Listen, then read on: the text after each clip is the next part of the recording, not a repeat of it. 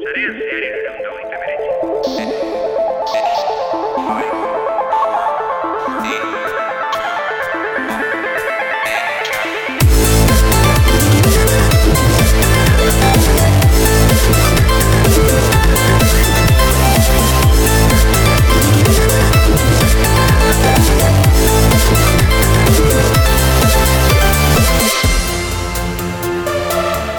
Denboraldiaren azken e, txampan sartu gara zarean zehar irureun eta e, hogeita meretzi honekin. Jada bi programa geratzen zaizkigu e, gaurkoa eta urrengoa e, irureun eta e, berrogeia izango dena. Eta ja honekin e, amai garren denboraldi hau bukatuta egongo da.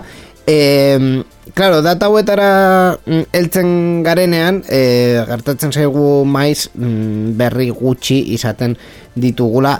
Eta gainera, e, daukagun egoerarekin, e, borja duela gutxi aita izan dela, eta bar, e, ba bueno, gaur, mm, suposatzen dut, berrien atala nahiko mm, e, eskase izango dela.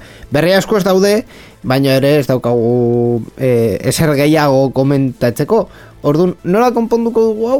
E, ordu erdiko programa ez egiteko? Ez dakit. E, benetan ez dakit. Baina, bueno, zerbait e, egitea saiatuko, saiatuko dugu.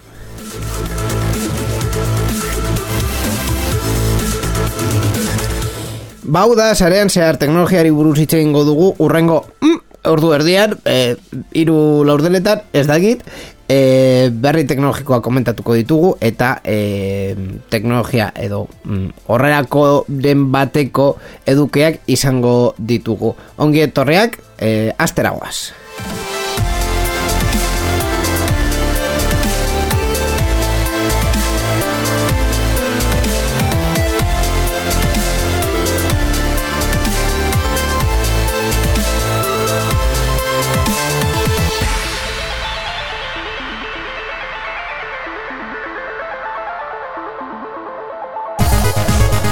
Entzun berri duzunari buruz hitz egin nahi? Zure iritzia jakin nahi dugu, idatzi ezaguzu Twitterren gure erabiltzailea, sarean zehar da.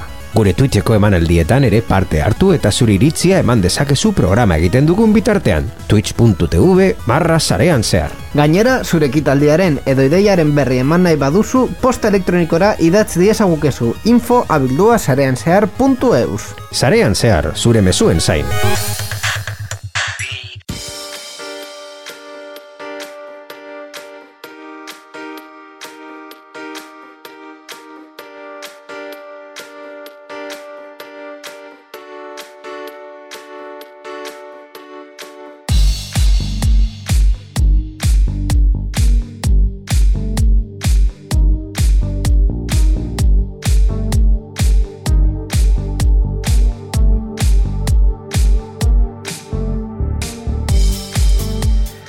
Berrien atala esteragoa zarean zehar e, irureunta hogeita emeretzi honetan eta e, pasaden programan bezala e, ni bai nagoela hemen estudioan fizikoki baina e, borja kasu honetan Skype bidez konektatzen ari zaigu. Beraz borja arbosa arratsaldeon arratsaldeon io e, bueno, bi aste pasadira pasaden programatik beti bezala E, baino egia esan da ez ditugu ez ditugu kontu handirik izan teknologian, ez da? Momentu txar batean gaude, momentu honetan berriak e, oso eskasoak dira eta ez ditugu berri handiak uste dut ja e, oporraino, oporrak hartu dituzte eta gu hemen oraindik geratzen gara, inigo beti azkena gara oporrak hartzeko. Bai, e, egia esan da, bai, irrati gehienek ez baute aste honetan e, oporrak hartu ja e, ustaiaren lauerako e, ja ez dute programarik egin. Dena den, e, mm, grabatzen hasi baino lehen esan dizut, mm, programa hau azkenengo programa izan behar bada denboraldi honetaz, e, ez daukago arazurik egin dezakegu. Ba, imaginatzen dut aktualitate teknologikoa ez du askoz gehiago esateko eta gure entzuleek ez dutela guk e, programa bat jaten badugu ez dutela berri askori galduko hori gertatzen bada. Mm, ja, hori gea da ere e, e, denbora aldiaren azken programarako elkarrizketa bat e, prestatuta daukagula. Orduan, agian, bueno. agian e, konbeni zaigu e, elkarrizketa. E, izango ditugu, baina berrien arloan... Ja, bueno, e, horrela gaude. E, berrien arloan, e, hasiko gara e, komentatuz, e, gu biok e, erabiltzen dugun aplikazio baten e, berria. E, bueno, be, behin baino gehiagotan komentatu dugu Telegram, e, gure jingela esaten zuen bezala Telegram ere daukagula, eta telegram hori e, gubiok erabiltzen dugu erratirako ba, bueno, esain beste baina e, hor hor e, hor dago gure herramienta e, bezela e, egia esan da e, kolokan izan, e, egonda azken urteetan nola telegram egingo zuen dirua e, bere plataformarekin eta azkenik e, ebatzi dute e, salantza, hori Telegram Premium aurkeztuz. Bai, zuk esan duzun bezala, guta bio gara telegrameko lekukoak, eh? testigos del telegram, eh, religio hori. eta mairuti. dugu, eta zuk esan duzun bezala, bimila eta amairu urtean agertu zen plataforma honetan, non beren handikap nagusia zen esela WhatsApp. Hau da, bai. beren handikap nagusia ez zeukala WhatsApp zeukan jende guztia osartuta, baina funtzionalitaten arloan, ba, askoz gustoko mm, beti izan dugun plataforma bat izan da. Eta e, bere saspireun un milio irabiltzaile aktibo baino gehiago hor barrera hori ospatzeko Telegram Premium arpidetza zerbitzua abian jarriko duela iragarri du 2000 eta hogeita bi urte honetan. Mundu osoan, gehien gainera deskargatu diren bost aplikazioetan bat bihurtu denean. Eta eh, enpresak baita ere eh, kogoratu duzu, hogei, 2008 garren urtean, amaieran iragarri zuen baita ere hasiko zela zerbitzua monetarizatzen. Hau da, zerbitzua beti izan da doainik, baina noski horrelako zerbitzua eta gainera saspireun milio erabiltzaile baino gehiago gainditzen badituzu, ba ez da, ez da doainik mantentzea. Eta kasu honetan, e, Pavel Durov laguna zerbitzariak ordaindu behar ditu. Claro. Ordun, e, horrelako zerbitzuak lehenik eta behin e, publizitate pizka bat, hau da, iragarki batzuk sartu ditu e, batez ere kanal publikoetan eta talde txatetan, baina erabiltzaile kopuru handia dauzkatenak, eta ja e, programa hau, funtzionalitate hau, Telegram Premium, prezio nahiko kompetitibo batean, konparatzen badugu beste zerbitzu batekin, hau da, izango dira gutxi gora bera lau euro hilero, e, bai. prezio desberdina Androiden edo Appleen basaude, batez ere Apple komisioa kobratu behar duelako eta hor dago desberdintasuna e, Androidek ez duena kobratzen ba Apple kobratzen du eta horregatik prezioa da desberdina posik nago horrekin, eh? oso posik nago horrekin bai. bueno, baina ver, telegram eh, irabazten duena da berdina lau bai. euro hilero eta horrekin ba, hainbat funtzionalitate mm, ere, bereziak esan behar dugu zeren eh, telegram eh, jadanik baseukan funtzionalitate guztiak doainik jarraitzen dute izaten hau bai. da beraiek hau pizka bat maneiatu dute lagundu nahi duten pertsonentzat edo mm, garapen nahiko handia atera nahi dioten entzako, baina batez ere hau da Patreon edo horrelako laguntza programa bat bezala edo ba, Wikipediako bai, donazioak eh, egin aldituzun bezala ba, plataformari eta sistemari eta software askea esan nahi baduzu e, komunitate hau e, sustatzeko laguntzeko. Claro. E, komentatuz konkretuki ze ezagarri dauzkan Telegram Premium, batez ere bikoizten dute limite guztiak, hau da, e, taldeetan e, zenbat taldeetan egon alzaren e, bikoizten dute, zenbat link publiko e, sortu aldiren bikoizten dute, e, zenbat chat izan aldituzu hor e, zerrendaren e, goiko aldean bikoizten dute ere, eta baita ere zenbat e, pisuko mm, e, fitxategiak bidale dituzun bigigatik laugigara bikoizten duterako ere. E, hortaz aparte, mm, e, nire kasuan interesgarriena iruditu zaidana, e, izan da e, audioak, audio mesuak e, mm, e, testura e, aldatzera e, em, aldatzera aukera ematen dutela. Hau da, zu, zuzenean txat horretan, botoi bat izango duzu, e, mesu hori testura pasatzeko eta e, bueno, e, beste eser egin gabe e, chat horretan izateko. Egia da, gaur egun hori posible dela boten bitartez, hau da, bot batekin be, mesu hori bidaltzen badiozu e, e, ba bueno, testua sortu, sortu e, dezake, baino egia da ere e, beste, beste chat batean, beste konversazio batean izango duzula. Orduan, da mm, oso, oso, oso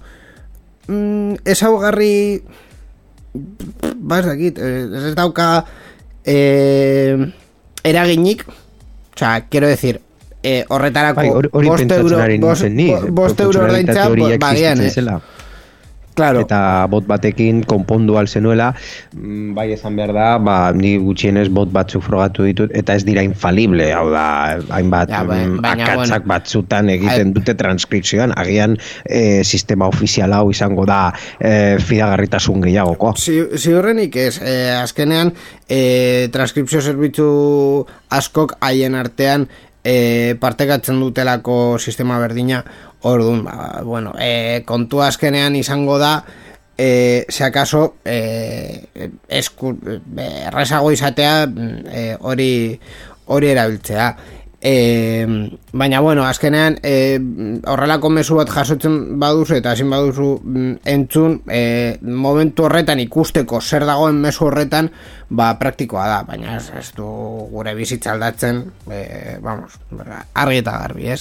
Mm hau esan da mm, e, ni pertsonalki telegram premium erosiko dut? Mm, ez dut uste Ez da nik ere, baina bueno, eh, esan dugun bezala, hau eh, batez ere eh, Telegram asko gustoko mm, sistema hau eta komunitate hau asko gustoko duen pertsonentzako eta pixka bat lagundu nahi dituztenentzat eh, sistema hori mantentzea eta ikusiko dugu nola, nola jarraitzen duen eh, sistema hau, azkenean eh, esan dut Wikipedia bere donazioekin, ba, mm, eh, uste dute aldi askotan ikusi dugula Wikipedian sartzerako gaurkoan, eh? kanpaina bat egiten dugu pizkat gehiago de dirua lortzeko eta zerbitzariak ordaintzeko eta plataforma independiente hori bezala mantentzeko eta bueno, mm, lortzen dute, hor jarraitzen dute. Horrela.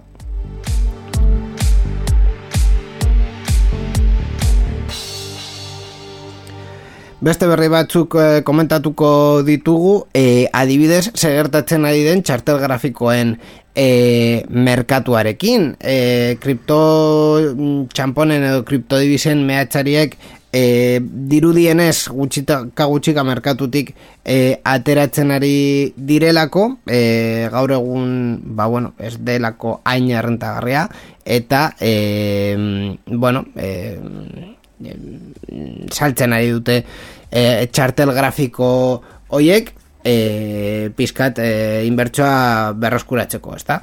Bai, kasu honetan esan beharko nuke azken programetan kontatu dugun bezala, baina ez da egia, ze ninigo gorroto asko dauka kripto txamponen eta hori guztiai buruz. Pizkat NFTi, mm, pizkat kasu gehiago bai. egin diogu azkenengo baina programetan. Baina ez asko, ez pentsa. Baina bueno, horrelako merkatua ez baduzue jarraitzen, ba, jakin behar duzue azkenengo hilabetetan, eh, ez dakigu guda, Errusia, Ukrainiaren artean dela eta edo zer, baina e, kripto txampon crash bat e, handi bat egon da, e, kripto txampon batzuk e, zerora jundira, adibidez e, Luna, izan da kripto txampon baten kasua, eta beste bat bai Dogecoin deitzen dena bai. ba, porrotera jundirenak, eta e, beraren atzean, esain beste, baina baita ere, beraren atzean, ba, Bitcoin eta Ethereum, direla kripto txampon famatuenak, ba, hmm. bere balioaren portzentai handi bat e, galdu dute, ez dute jarraitzen e, zenbakiak esateko ba, e, orokorrean e, uste dut e, berrogei mila dolarren truke saltzen ziren urtearen hasieran eta hogei orain hogei milaren dolarren truke hau da, bai, euneko berrogei tamar baino gehiago eren jaitziera bat izan dute eta zeintzuk dira kontsekuentziak? ba, kasu honetan e, kriptodibisa mehatzariak deitzen diren pertsonak hau da, kriptodibisak lortzeko erosi ez, baina mehatzari sistemak erabiltzen zituzten e, txartel grafikoekin, zergatik bai. txartel grafikoekin, ba, beraien e, potentziagatik eta gaitasuna erabiltzen dituzten e, kalkulo komplexuak egiteko eta horrela egiten zen kriptodibisa mehatzaritza. Ordun e, momentu honetan ja e, ez, ez da hain rentagarria, e, esan dugun bezala bere presioa asko jeitsi da, eta baita ere garestiagoa da e, kriptodibisak me, mehatzaia egitea, zeren eta e, energia kosteak baita ere e, ikoiztu dira azkenengo e, hilabetetan eta dakigunez gero ba, jendea ja horrelako e, bai, sistemak e, alde batera utz, usten ari dira eta beren e, txartel grafikoak ba, subasta enkantean jarri. Eta bueno, ikusiko dugu orain ze presioan e, salduko dituzte noski presio basuan, baina claro. zein, zein basuan. Claro, eh, azkenean mm, bi kontu daude hemen. Eh, alde batetik eh, balore guztiak porrotara eh, joan direla, eh, burtsa baloreak ere, esan behar dizuet. E, beste partetik, ese presioan salduko den e, horrelako materiala txartel grafikoak e, merke, baino esain merke, eta kontuz, kasu batzutan, e, merke izan daitekelako e, txartelak nahiko erabilita eta nahiko kaskar daudelako. Orduan, e, kontu handiz e, erosi behar dira horrelako e, horrelako piezak e, ba bueno e, ez uste kabekorik ez, ez izateko ez. Mhm. Bai, mm, kasu honetan arazoa baita ere konponduko du beste arazo bat. E, txartel grafikoko e, eskasa e, egon den e, bi urte hauek non e, adibidez bideokontsolak produzitzeko edo beste hainbat produktu teknologikoak produzitzeko arazo handiak izan dituzte, zeren eta produkzio txartel grafikoen produkziora batez ere merkatu honetara bideratu da. Orduan, mhm. espero dugu urrengo hilabetetan adibidez PlayStation PlayStation Bost edo e, Steam Deck izen direla bi produktu oso famatuak bideojokoen arloan eta bere stock sistema beti basuan egon mantendu direnak, ba, hobetzea. ba, hori hori espero dugu ere eta orokorrean e, teknologiaren e, saleok izatea mm, eskuragarri e, nahi ditugun materialak eta nahi ditugun piezak e, diseinatu diren kontuetarako eta konkretu grafikoak e, jokatzeko alba da.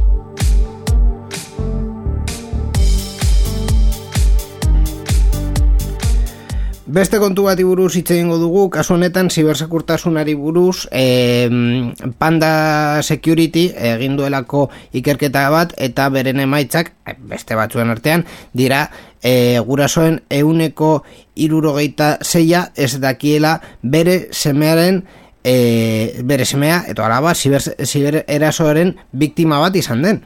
Mm Bai, hori da. Eta nahiko portzentai uste dut e, f, e, keskatzeko portzentaia. Bai. E, bueno, e, arazoa ja badakigu hau da. E, pertsona hauek, e, kasu honetan gurasoak eta izaten dutean seme alabak, beren e, telefono mugikorrak, ordenagailuak eta tableta hoiek erabiltzen dute eta e, beste portzentaia da, adibidez, euneko bostak, bakarrik, takite, adingabe hoiek identitatea lapurzen edo ziberjasarpen bat egiten saiatu direla. E, baita ere, ikerketaren datuak erakusten dute, beraien e, aurren, aurren euneko berrogeita amabi, astean bost eta mar ordu bitartean igarotzen ditu interneteko sarbidea duten pantaiak erabiliz, eta euneko hogeita mairuk astean hogeita mar ordu baino gehiago inbertitzen ditu. E, zifra importanteak, tira. Claro, hau da. Zein da honen arazo edo zein da honen kontua. E, alde batetik e, gurasoen bi eren baino gehiago ez jakitea e, bere seme edo alabak ziber eraso bat jasan e, badu, e, keskagarria da, e, egia esan da mm, ez da hainbeste gertatzen, orduan, ba bueno, be, mm, onargarria izan daiteke. E, arazoa bestea da eta e, txosten honetan ere komentatu dute, guraso gehienek diote aurrek denbora hori, hau da, hogeita mar ordu baino gehiago, hoiek e, orokorrean erabiltzen dituztela helburu akademiko eta ezitzailen txako. bueno, bai, beraiek e, sinetziko dute sinetzi nahi dutena. Hau da, inkesta hau irakurtzen badugu, ba, egia da, beraiek esaten dutela, e, be, gurasoen euneko geita mairuak uste duela seme alabak denbora gehiena ematen dutela interneten ikastetxearekin lotutako etxeko lanak edo kontsultak egiten. Barkatu, e, barkatu. Egi, egiazkoa da, beretan. Bar, barkatu, gauzatxo bat improvisatuko dugu. E, Maidazu segundutxo bat, gaizka! Etorri hona mesedes. Ez que daukagu, aprobetxatuko dugu, daukagula. E, gure konfidantzasko... Inkestari beste datu bat jarriko diogu. Bai, venga. bai, beste datu bat jarriko diogu. Daukagu gure tineilerra hemen, bueno, ya, tineilerra eh, ikusten nahi diot, eta ja, en fin. Tineierrak amazortzi urte beteko ditu laster. Hau jarraitzen da tineier izaten, eh? amazortzi urte beteko ditu laster. Bueno, baina tineiera izaten jarraitzen duzu. Ingeles ez tineier deitzen da, eh, tin pa, palabran bukatzen badu bere zenbakia. Hora, eitin, edo naitin, twenty arte jarraitzen du tineier izaten. Bueno, eh, gure konfidentzasko tineierra hemen daukagu, eh, egiten nahi dugu panda security egin duen txosten bati buruz, eta haien arte artean datu batzuk eman dituzte e, adibidez, euneko hogeita mairuk e, e, seme alaben euneko hogeita mairuk e, Barkatu. Ez gurasoen eguneko geita mairuk gurasoen, uste du. E, eguneko geita mairuk uste du az, be, bere seme alabek astean hogeita mar ordu baino gehiago inbertitzen e, dituztela sare soziale, e, bueno, barkatu, e, internetekin eta ordenagailoekin eta haien artean diote e, denbora horren zatian di bat helburu akademiko eta ezitzailentzako dela. Zer jozu? A ber, e, egia da gaur egun e, nire belaunaldea gutxienez, e, denbora pilo bat ematen dagoela interneten. E, baita be, esan barra dago, e, askotan ez dela guk nahi dugulako, baita be, baina askotan ez dela guk nahi dugulako, baizik eta egin behar dugulako, hau da. E, klasean, askotan, e, liburuak jada ez dira paperezkoak, deko guz e, mordragailuan, edo tabletan, edo dena delakoa, e, etxerakonak egiterakoan berdina, eta antzerakoak. E, hau da, niegon nazenean zeltidarako e, ikasten, e, nik nituen e, azterketa guztiak, 2000 damabitik aurrera, azterketa guztiak, eta nituen digitalan, eta logikoki ez nituen imprimatuko, pues ez dudalako em, em, ama bos mila zuaitz hil nahi. Orduen, e, di, direlako pila bat. Orduen, gauza da, e, deko gauza asko interneten eta egia da baita be gare, e, garela teknologiaren belaunaldia. Orduen, e, askotan bai egiten duguna da erdia, e, ematen dugun denboraren erdia izaten da helburu akademikoekin, helburu ezitzaiekin, helburu dena delakoekin, hmm. eta gero beste erdia bai izan hori dela e, guk nahi duguna e, egiteko, e, jobiak aurrera mateko, eta bar, baina e, honek ez dago esan nahi, ez, dago, ez dagoenik e, ba, puntarik bietan, hau da, e, badago jendea ematen dituela berrogei ordu astero e, mugikorrarekin aurrean, eta berrogei ordu horietatik, hogeta emeretzi koma bederatzi direz, zare sozialetan ibiltzeko, eta beste pertsona batzuen bizitzaren inguruan mm, haien e, ideiak e, plazartzeko, eta badago baita jendea ematen dituela ordu pila bat e, ordenagailu baten aurrean, eta ordu pila horietatik euneko larogeta mabosta direla ikasten, edo mm, programa bat debugeatzen, edo denadalakoa. Claro, eh, esan duzunaren... Jorri buruz galdera bat daukat. Esan, Eh, esan, bota. Benetan behar duzu internet, internet, hau da, ordenagailua bale, e, tableta bale, Mhm. baina internetekin zuen materialak ikusteko, hau da, PDF bat e, edo irakurtzeko, bai. Ni esango behar da internet. Ni, ni Bai. esango dizut baietz, gainera beste kontu bat dela eta e, em, em, digitalizazioaren kontua e, konkretuki liburuetan ez da gertatu, kasu batzuetan bai gertatu da PDF batzuk e, egiten, beste kasu batzuetan e, lizentzien bidez egin da eta e, aplikazioek behar dute e, internetera e, konektatuta egotea e, jakiteko une oro lizentzia hori baliogarria den edo horrelako zerbait e, jokoekin gertatzen den bezala orduan e, bai, e, internetera konektatuta egotea batzuetan beharrezkoa da Beitu. libura horiek irakurtzeko Borja, esango dizut. E, ni, daramat e, internet erabiltzen mm, ba hori, e, mundu, ez- hezkuntza munduan, e, sortzi bat urte nituenetik. E, LH bost, gutxo gara bera, le, lehen hezkuntza. Eta e, gauza da, hasiera baten hasiera batetik hasi nintzen erabiltzen e, Moodle dela plataforma oso erabilgarri bat, erabiltzen dela eskuntzan Bai. pila bat, eta dramat ja, pues, Bai. zazpi urte erabiltzen.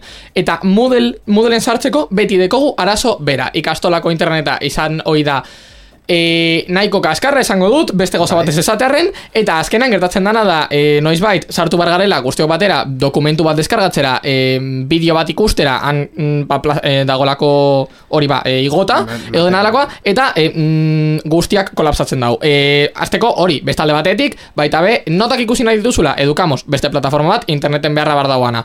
E, baita be, beste gauza bat, e, zu lehen agian e, zen lanen bat egitera, hau da, lan bat, proiektu bat edo, eta zu e, bibliotekan sartuta, hartzen zenituen nahi zenituen liburuak, hartu informazioa, ta, ta, ta, eta bestea. Orain ja, ez, claro, orain da, interneten bilatza denbora guztian, une oro, orduen behar dozu konexioa, bai, euneko laro gehieta kasuetan esango nuen nik. Gauza da, e, lehen agian, ba, klasean gauzak egiteko edo PDF-ak behitzeko edo mm, de, dena delakoa etxean edo agian e, erabila zenuen hori zegoen e, metodoa ba, mm, etxeko telefonoa deskonektatzearena eta jartzena ordenagailuari bai, eta orduan etxeko telefonek ez zenuen, pues ez zenuelako Ese momento ari buruz hitz. Tal cual. Eh? ba, ez, ez zenuelako hainbesteko beharra, orduen agian zen eh, internetera konektatzea amabos minutu zerbait deskarratzeko, eta pista. Baina gaur egun ja, nik uste dut, edozein gaiuk behar dagoala internetera eh, sarbidea, gutxienez, euneko larogeta amabosteko kasuetan.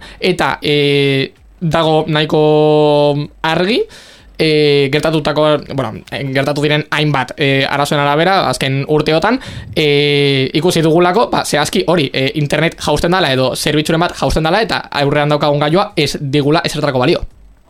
Bai, horregatik esaten duen ni, zeren eta hor- horrelako bat gertatzen bada gutxienez liburuak PDF formatuan edo offline materialak izatea ondo ondo egongo lirateke. Karo, nire kasuan nahiago dut izatez, paperean izatea, literalki, nahiago dut. Baina, karo, azkenean, em, agian e, fizikoki, pues, e, ordenatzen duzu mm, zure logela txarto, vale, mm, guztia, guztia da logikoa eta mm, komprensible eta daukagun e, adinare, adinari erreparatuta, ba, mm, logikoa, bai. Baina e, ordenatzea zure gailua txarto, asko zerrazagoa da logela txarto ordenatzea baino. De, dekozulako espazio pila bat gehiago. Orduen, saiatu zu bilatzen PDF bat, e, mm, norbaiten gailuan, e, daramala mm, lau urte, e, ba hori, santuratu gabe. garbikuntzarik egin barik. En fin. Sorte on. Eh, hori izan da gure eh, nerabearen iritzia. Eh, Teenagerraren. ti- Teenagerraren iritzia. Eh, eskerrik asko, gaizka, ez dakit programa honetan berriz eh, gurekin egongo zaren, baina dena den. Zeuk badakizut, eh, asko. oiu bat bota eta hemen aukazu. Ados.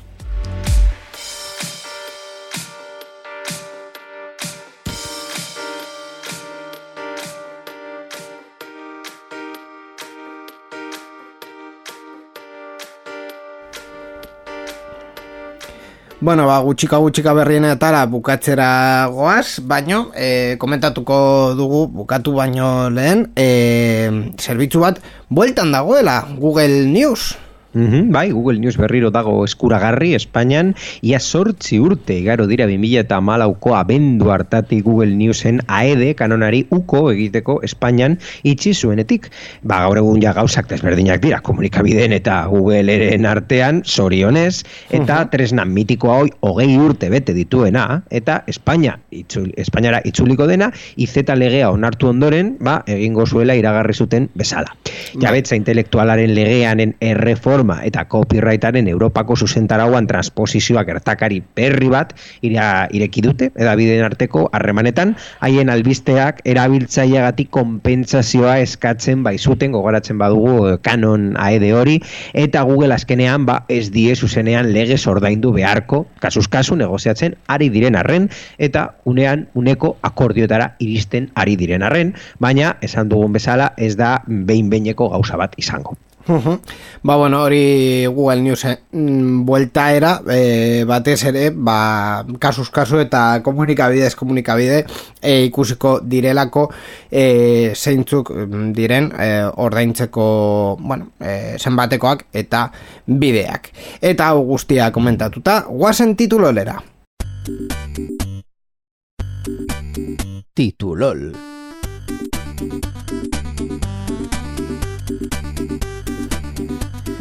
Claro, Borja, titulon honetan e, arazo bat izan dezakegu. E, azken egunetan ez, ez, ez dagoen ez e, hainbeste berri eta ez, ez denez hainbeste gauza e, argitaratu e, ziurrenik mm, e, daukasun, hor daukasun berria tituloreako e, mm, e, irakurri dut edo jakin dut zein, zein den. Baina, bueno, dena den, dena den, saiatuko gara e, nire barrea, aserrea edo mm, negarra edo dena derakoa bilatzen. A ber, zer daukagun hemen. Izan leike inigo, baina bueno, zure zoriontasunerako berri on bat ekarriko dizut zeren eh, Alejandra izango da gure titulolaren protagonista. Nor, eta nor, nor, horregatik- nor?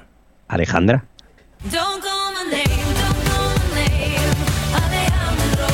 Ja, oso ondo. Vale, Perfecto. bueno.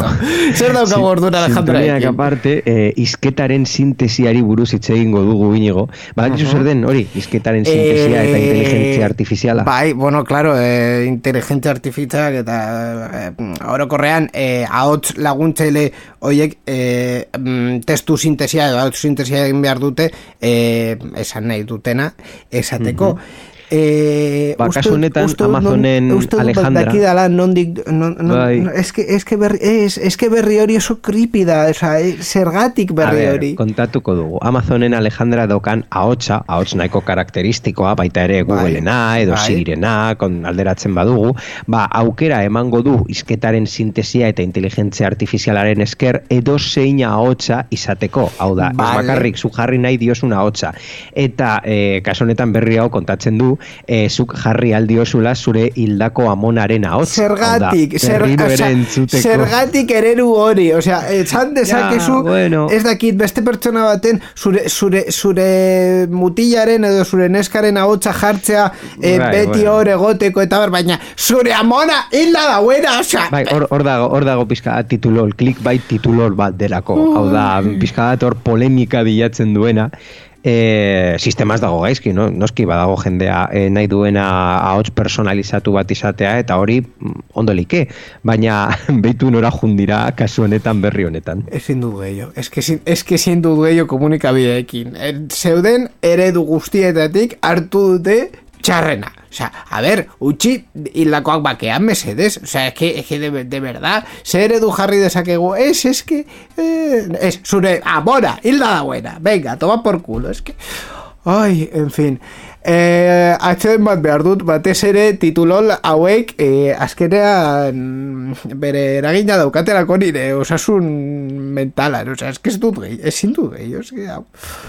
En fin, eh, Borja, eh, ez dakite eskerrak eman edo ez. Bueno, bai, eskerrak emango dizut eh, berri guztiak ekartzeagatik eta eh, entzungo gara bihazte barru, gurengo programan ja denboraldiaren azkena izango dena.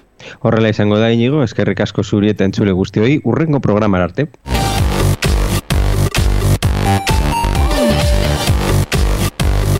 Sarean zehar.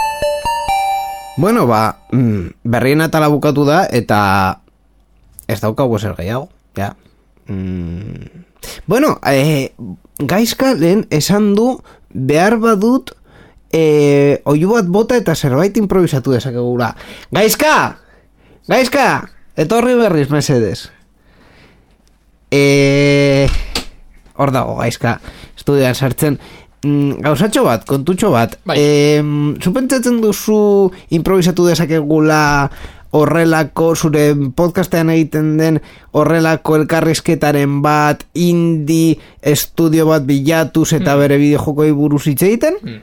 Uh, nor daukazu buruan ba? Norbait, hau da, ordu erdi gehiago be, bete behar dugu programa honetan. Zerbait egin dezakegu? Zer deritzozu The Silent One? Ondo. Printzipioz ondo, ez dut ezagutzen, baina bueno, ezagutzeko Ezagutuko aukera duzu. Izango dugu. E, ba, ondo mm, zure programaren sintonia jarri, eta bagoaz. Az gaitezen.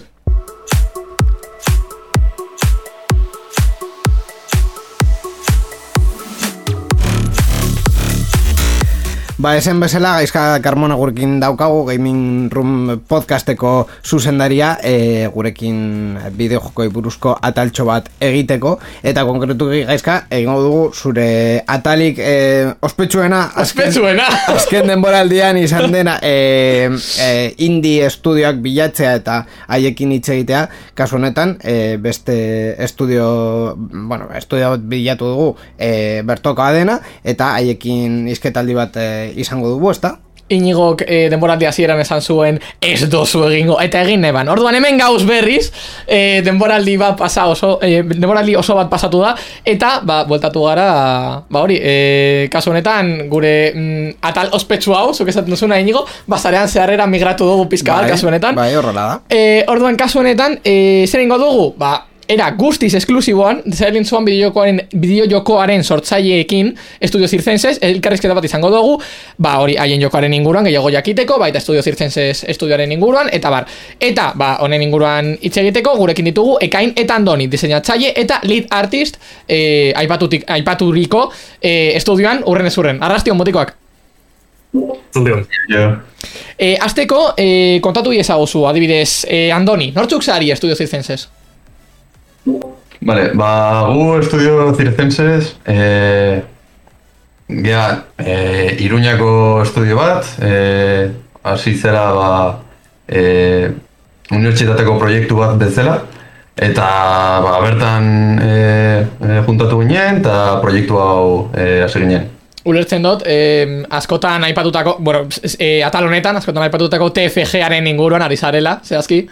Hori da, hori da. Bai, eh, hasi zen TFGA bezala, eginen bi urte bi urte honekin, eta orain unibertsitatea bukatu dugula, ba, ba jarrai, jarraitu dugu eh, bideojokoa desarrollatzen.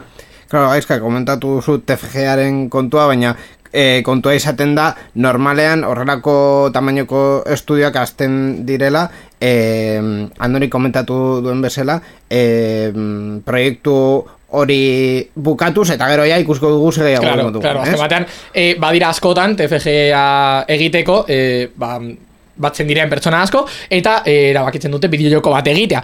Eta, claro, bideo, bueno, TFG hori bukatuta, bukatuta, bai irakaslek zein haiek bera eh, esan, aldat, esan aldabe, ba hori, eh, haien proiektuak dekola nahiko kalitate, ba, sarietara edo dena delakoetara aurkesteko, eta kasu honetan uste dut hau izan dela gertatu dena, ez da, Andoni? Bai, hori da, hori da. Hasi zen, eh, bueno, ba, egon ginen hau eh, desarrollatzen, eta eh, ikusi genuen, ba, eh, espero genuna, baina hobeto zijoala jokua, eh, eta irakasleek, eta gu baita ikusi genuen, ba, oso ondo zi- zijoala, eh, eta baita eh, jokua eh, bertan, mundua eta historia eta hola, ba, gauzak interesgarriak egiten ari ginela eta eta e, saiatu ginen ba e, hor PlayStation talentzean e, apuntatzen eta ondo juntzen. Ulertzen dut, ulertzen dut orduen, ekain, e, hau, hau dela zuentzat, e, estudioaren barruan zauden guztionontzat, sortzen duzuen lehen bideojokoa. Hori da, bai, lehenengo proiektua da. Zehaztu. Ez azkenengoa, baina bai lehenengoa. ez azkenengo, ez azkenengo, hori, hori ondo dago matizatzea. E, esan aldi guzu zeuk nortzuek sortzen duzuten e, estudio zirzenses ba, pertsona moduan, hau da, zein errol dituzuen? E, bai, bueno, a ber, taldea esan beharra dau, e, asko aldatu dela, azkenengo bi urtietan. E, tamaina asko igo da, asko jaitsi da, gure puntu altuenian amasi pertsona izan ginen, desarrollatzen joko hau.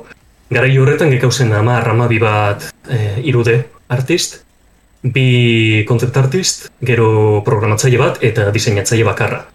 Baina, ontxe, ba bueno, askoz e, taldeen sanoa, eh? Dakau, eta ontxe dakauz, zer dakauz, iru, iru 3D, bi eh, concept artist, bi programatzaile, diseinatzaile bat, eta gero eh, Unityn ba, lanean ari den beste rol bat. Claro, kontua izan da, oreka bilatu behar e, izan duzuela, ez bakarrik irude diseinu egiteko, baizik eta jokuaren beste parte guztiak e, pro, produktu oso bat bezala e, e, bilatzeko, ez? Claro, eta hori da zehose, ba, ondiok arrastartzen duguna, ez? Oin dela bi urte txarto eh, hartutako erabakiak gaur egun ondiok eh, ordaintzen ari gara. e, irudea, bi- bideo jokoko irude guztia amaitxuta dakau, praktikamente, baina hundiok hilabete asko falta jakuz montatzeko bakarrik. Eta hau da, ba, representatiboa, garai batean, ze gutxi balantzeatuta zegoen gure taldea, ez? Orduan, bueno, baina bueno, ikasten dozu prozesuan eta aurrera ari da urtetzen, hasi que nien jatzen berez. Claro, imaginatu, eh, amabi irude diseinatzaileekin eh, izan aldituzu amabi modelo egun batean. Baina, claro, hori guztia montatzea mundu batean, mundu oso batean, ba, bai. Hori da. Eta sortzen ari, bueno, ba, ba, lehenago, zergatik deitzen zari, eh, Estudio Circenses? Bueno, a ver, hori da, eh, zimaz, eh, presentazio bat indiar gendun eta izen bat aukeratu behar zen. Orduan, justo gara honetan gian, ez dakit amaz egin, baina pertsona pilo ginen gara horretan.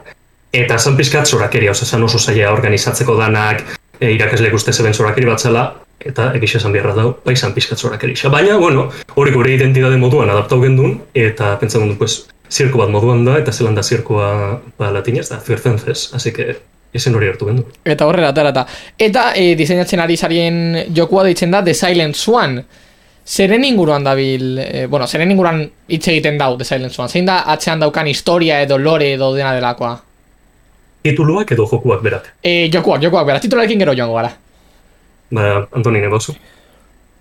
Bai, ba, e, joko hontan, e, jarraitu behar duzu e, zure emakume, zure emakumearen pista, e, eta sartzen zea, bos, e, mundu batean, e, non jende guztia desagertu da, ez dago inor, dena e, egoera txartu batean dago, eta e, ba hori, zure emakumearen e, nota batzuen e, jarraian, ba, ba, ba historia e, komplexu bat e, ikusiko zu edo e, bai, bai da. Eta nondik dator andoni e, bideojokoaren ideia, hau da, atxan, atxan dagoen lana, nor, nor pensatu zuen, ba egingo dugu hau eta izango da honela. Bale, ba, e, bideojokoaren ideia berez, e, hemen ekainen ideia izan zen, eta e, ustet, naziz, e, bai jaio zela, e, azkenean jokuetan, normalean, e, ez, ez daukagu, e, normalean, bueno, pistak eta hola jarraitu behar ditugu, edo e, indikadoreak eta holako gauzak, eta ekainek hemen nahi zuen mundu bat irekia, non zu fisikoki begiratu behar dezu, nondik joan behar den, e, non, nondik joan behar dezun, ze pista jarraitu behar dituzun, eta hori da, nahi genuen e, munduarekin interakzio e, handi bat, orduan. E, hasi ginen, bos, e, mundu handi bat e, egiten, e, eta ekipoaren, oza, ta- taldearen e, arazoak e, genituen, eta hori da, talde, taldearekin arazoak genituen, eta Aurrera atera zenuten edo. Bai, osea, hiru- hirude e, lan asko genuen, orduan mundua e, oso handia izan barzun, orduan jun ginen komplementatzen e, mundu hori, ba, historia, e, historia elaboratu batekin. Da, nik uste dut hor pixkat erantzuna dela 50-50. Hau da, erdia da ideia original bat, baina beste erdia da, da mm, ba, behar zena izatea aurrera urtetzeko, ez? Orduan nik uste dut, pixka dela hori, ideia base bat, baina gero mm, de la necesidad virtud, asko, asko erabili dugu. Ez aldi hau, ba, desarrollo guztian zehar. E, nondik atera duzue izenburua, zergatik deit, deitu diozue The Silent Swan? Vale. Bi, bi erantzun dauz, galdera horrei. Lehenengo da, ontxe eman alko notzuna. Dala, mm, erantzun elaborau bat, e, nonde atorren, zein da historiak induen erlazioa, baina realitatea da, izena, mm, bueno, nire ideia izan zen, eta izena ikusi nebala, balekixala hori zala izena, ondiok jakin horretik zezen nahi zeban. Hau da, historixan, jolasten bat duzu jokua, presentoko da trama bat, e, pertsonai batzuk, historixa bat, eta azalpen bat, azkenean ulertuko da. Izen hori zebadan silent eta zebadan zuan eta zebadan silent zuan. Baina, originalki, arrazoi horiek izan existitzen.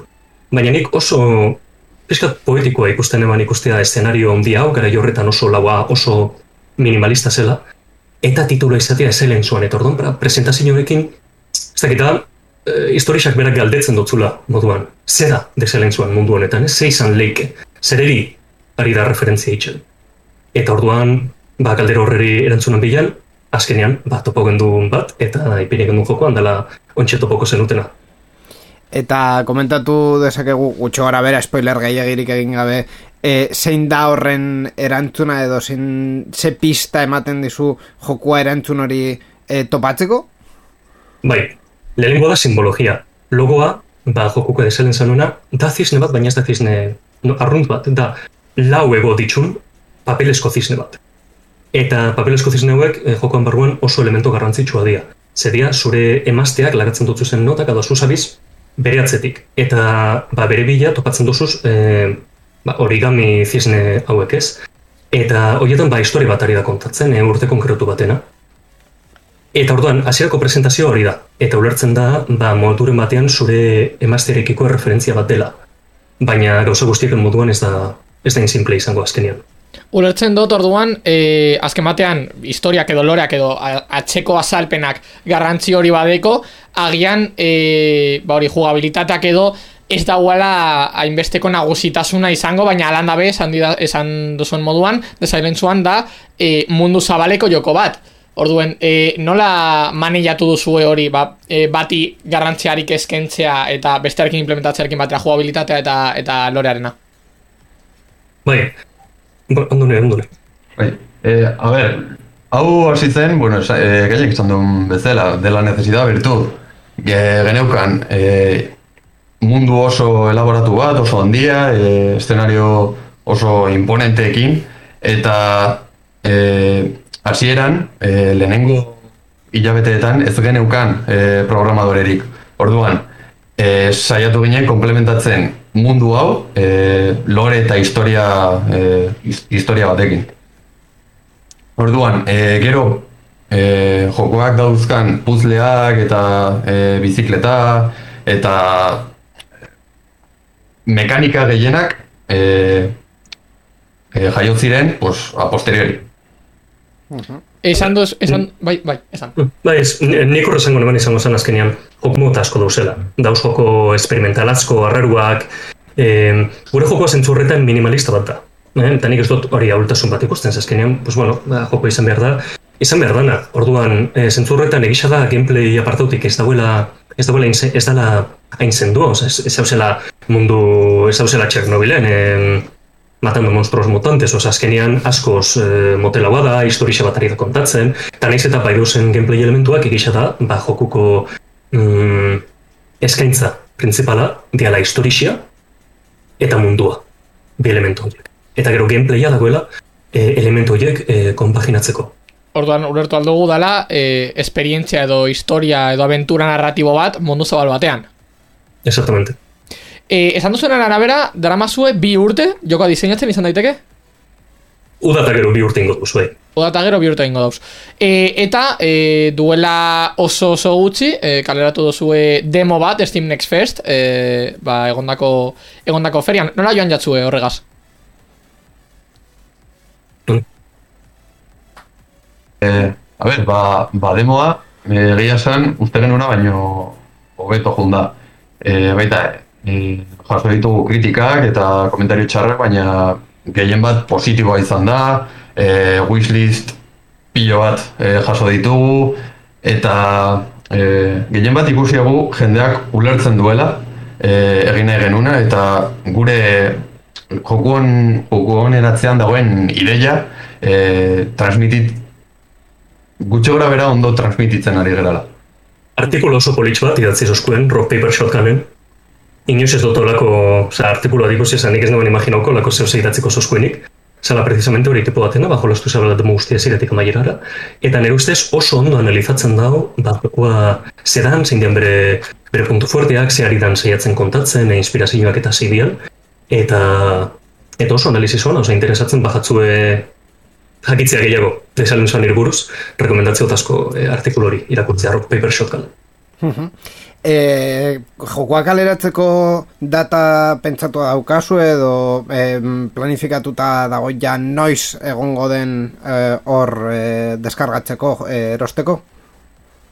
E, bai, bai, jakina, a ber, datu asko ezin dut eman, zenen ez bez esaten badut, agian etxea saldu beharko dut. Baina, Baina bai, baina esan alduzu, testimeri pintzen da bena, dala em, urte honetako 2022ko azken lau hilabetean. Kulau orduen, kulau. Eta komentatu duzu ere, bueno, mundu oso zabala eta oso e, beteta daukazuela, e, hor, horretaz aparte pentsatu duzu beste be, se- sekuela bat egitea adibidez, edo beste produkturen bat e, garatzea beste formatu batean, edo?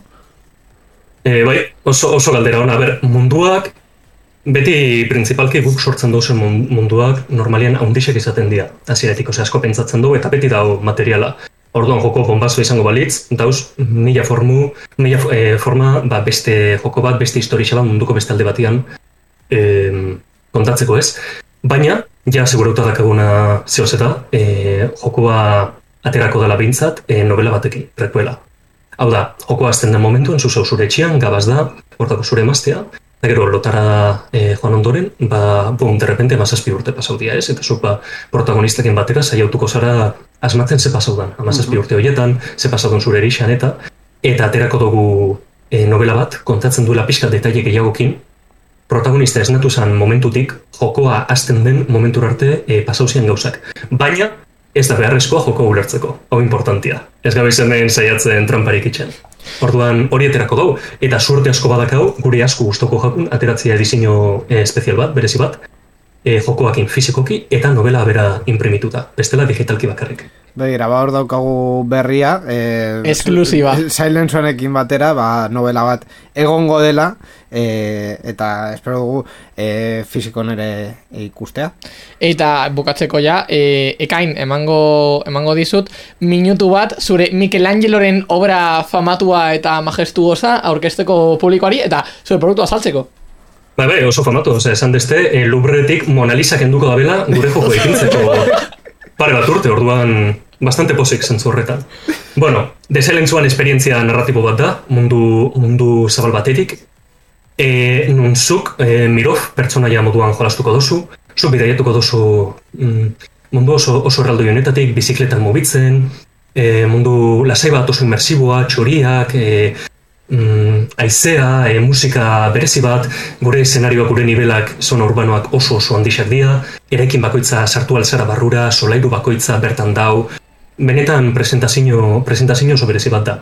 Eta historia honetan zehar zu mm, aztertzen ari zaren bitxartian ze paso den mundu honetan, ze paso den zure bizitzekin, ze ba ez natu zara mazazpi urte berandu hau, nun dagoen zure, zure emaztea, bebe jaukiko dozu, ba, e, irrati bat, zuri konversazio egongo dan ematen e, historia guzti honetan zehar, eta ba, amaierako ikusiko dela, ba, bere arrola dirudina baino garrantzitsuagoa dela.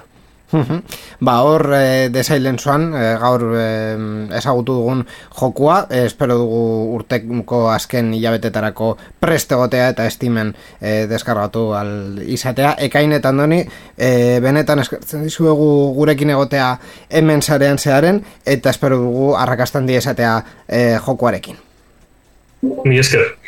Eskerrik asko bai. Eta gaizka zuri ere eskerrak eman behar dizut eh, elkarrizketa hau ekartzeagatik eh, gaming roomeko satitxo hau ekartzeagatik zarean zehare eh, honetara ja denboraldia bukatzen zabiz, ezta? Zeuk esan bezala, e, oiu bat bota eta hemen egon gonaz. Ba bai, e, bukatzen ari gara zehazki bukatu dugu baita be, e, e, izan dugulako baita be elkarrizketa e, desentzuanen e, diseinatzaileekin Gaming Room berrogeta mar garren edizioan, eta han ba, entzuna duzu, entzuna alduzue gaztelerazko edizioan, nahi baduzue. Ba hor eh, gaming room ere eh, urrian gutxi gora bera bueltan engongo dela eh, episodio gehiagorekin atal gehiagorekin eskerrik asko eta hurrengor arte Bardin. Irratsaio hau Creative Commons aitortu ez komertziala partekatu berdin lau puntu zero nazioarteko lizentziarekin banatzen da. Horrek esan nahi du gure edukiak nahi beste partekatu ditzazkezula. Informazio gehiago nahi baduzu josareanzear.eus webgunera.